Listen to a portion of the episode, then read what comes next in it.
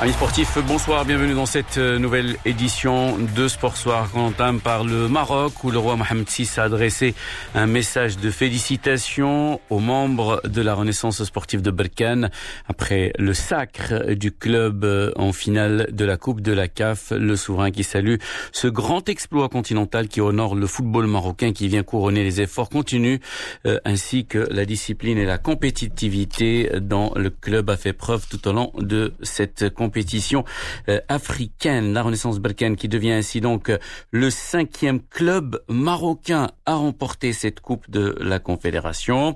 Un sacre euh, des plus mérités, comme nous le confirme notre consultant pour le football africain, Hervé Penaud. J'ai trouvé que c'était une équipe marocaine qui avait fait vraiment le, travail euh, comme euh, comme elle devait l'espérer, avec des, des, joueurs performants. Collectivement, on sent qu'il se passe quelque chose. Et puis c'est la preuve, évidemment, qu'on peut perdre une année et revenir et faire le travail l'année suivante. Donc c'est très important pour pour Berkane parce que c'est un c'est un un titre qui va qui va compter hein, pour pour la suite aussi. Alors déjà au bout d'une saison qui n'avait pas été flamboyante.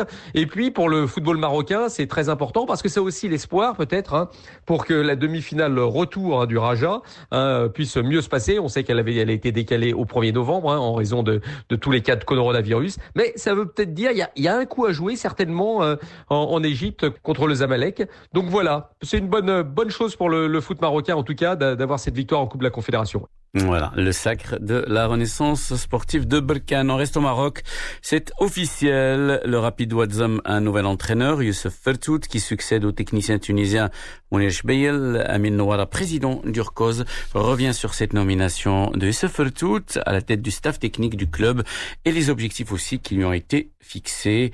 Amin Nouara au micro de Wadi nous avons conclu un accord avec euh, l'entraîneur national, M. Youssef Furtout, après l'étude de plusieurs CV d'entraîneurs marocains. Pourquoi un entraîneur marocain Parce que, bon, c'est quelqu'un qui connaît la Botola, qui connaît les joueurs. Entraîneur qui va nous aider dans le recrutement des joueurs, donc ça va nous faire gagner du temps et en même temps de l'argent, bien sûr. Nous n'avons pas assez de temps pour préparer la saison actuelle. Dans tous les cas, euh, M. Furtout, euh, après plusieurs réunions, on a fait un tableau de bord sur lequel on a pris comme données les infrastructures de l'équipe, le budget de l'équipe, et en même temps le tableau de bord où on a mis surtout euh, les joueurs qui sont dans l'équipe et les joueurs qui vont rester, bien sûr les joueurs qu'on doit recruter. On a posé des objectifs, à savoir euh, la Coupe du Trône et les premières places du championnat voilà, le sacre en Coupe du Trône, objectif euh, de Wadzam, mais aussi, euh, bien sûr, les premières places en championnat. C'est en tout cas ce qu'affirme Amin le président du club. Retour en Espagne et retour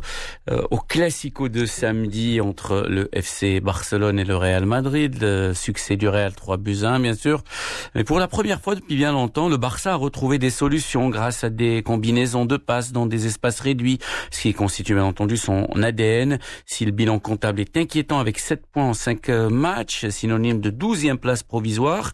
Ce n'est pas sur le terrain que les difficultés du club Blaugrana se ressentent le plus. Cette défaite rappelle aux supporters et dirigeants que leur club vit une crise quasi permanente depuis janvier 2020. Fred Hermel, notre consultant pour le football espagnol. C'est Messi qui a réclamé tout l'argent que lui devait le Barça, puisque le Barça lui a dit, euh, ben, tu ne peux pas partir puisque tu as un contrat bah, Messi a dit, bah, on va regarder le contrat et vous allez me payer tout ce qui n'était pas encore payé et que j'avais accepté de, de, différer. Donc euh, bon, la tension est terrible dans ce club. Franchement, j'ai l'impression que Coman euh, fait de belles choses. Donc voilà, il y a quelque chose de nouveau. Messi reste Messi, même si on le sent pas totalement libéré. Il y a de quoi travailler avec cette équipe du Barça.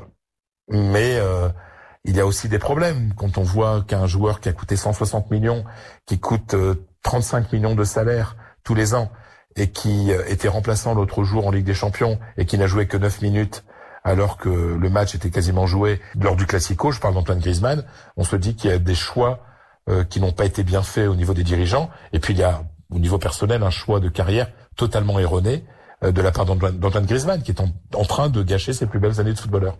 Frédéric Hermen, notre consultant pour le football espagnol. Rapidement, la Ligue des Champions avec quelques belles affiches demain. D'abord, La ville de Bergame, lourdement endeuillée par le Covid-19 au printemps, qui accueille la Ligue des Champions pour la première fois de l'histoire, alors que Real Madrid doit se rattraper face au Borussia Mönchengladbach après sa défaite inaugurale contre le Shakhtar Donetsk. On suivra aussi l'Atlético Madrid contre Salzbourg, Moscou, le Lokomotiv Moscou contre le Bayern de Munich, Marseille contre Manchester City ou encore Liverpool qui euh, reçoit le club danois de Midtjylland. Vous écoutez Médien, il est 18h45 minutes. C'est la fin de cette édition de Sport Soir. Merci de l'avoir suivi. Excellente soirée.